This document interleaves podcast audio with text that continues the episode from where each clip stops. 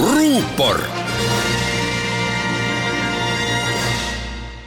tere, mina olen ajakirjanik Ainar Ruussaar. olin kuuekümne kaheksanda kevadel pooleteiseaastane.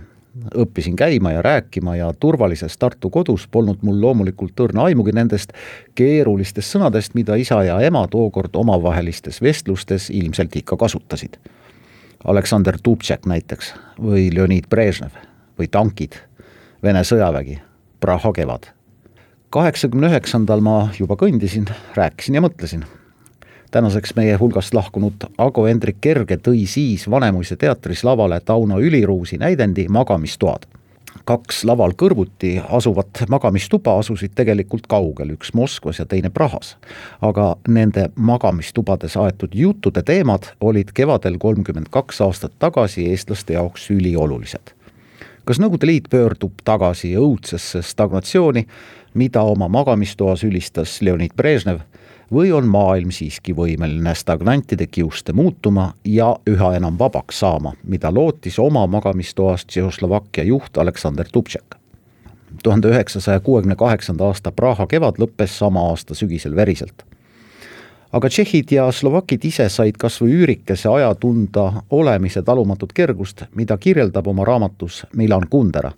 ja süstisid seda olemise talumatut kergust ka teistesse alla surutud rahvastesse Euroopas.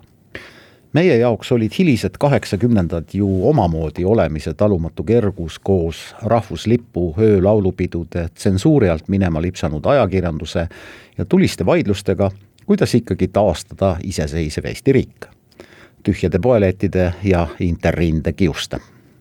kaks tuhat kaks rääkisid Prahas taas kõik Eesti, Läti ja Leedu inimesed.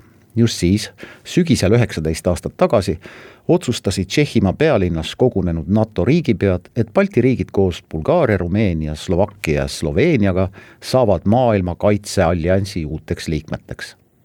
Tšehhi oli saanud jala NATO ihaldatud ukse vahele mõned aastad varem täna, kui puhkenud on uus poliitiline märul, millesse loomulikult on segatud Venemaa, on paslik meilgi meeles pidada seda Prahas saadud NATO piletit koos seal antud lubadustega olla toeks kõigile meie liitlastele.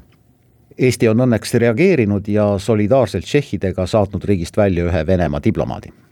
mõned riigid on tšehhidele veel nähtavat toetust avaldanud, aga sugugi mitte kõik, kes on võtnud endale kohustuse oma liitlasi toetada muidugi ei taha mitte keegi suhteid Venemaaga ühepoolselt, teadlikult ja sihilikult halvendada.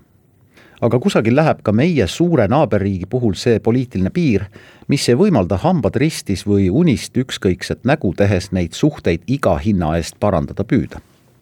tsiteerides ajalehte Postimees, üksikute riikide soolodel Venemaa vastu pole mõtet ja see näitab Moskvale, et lääs on taas kord Vene küsimuses lõhenenud ruupor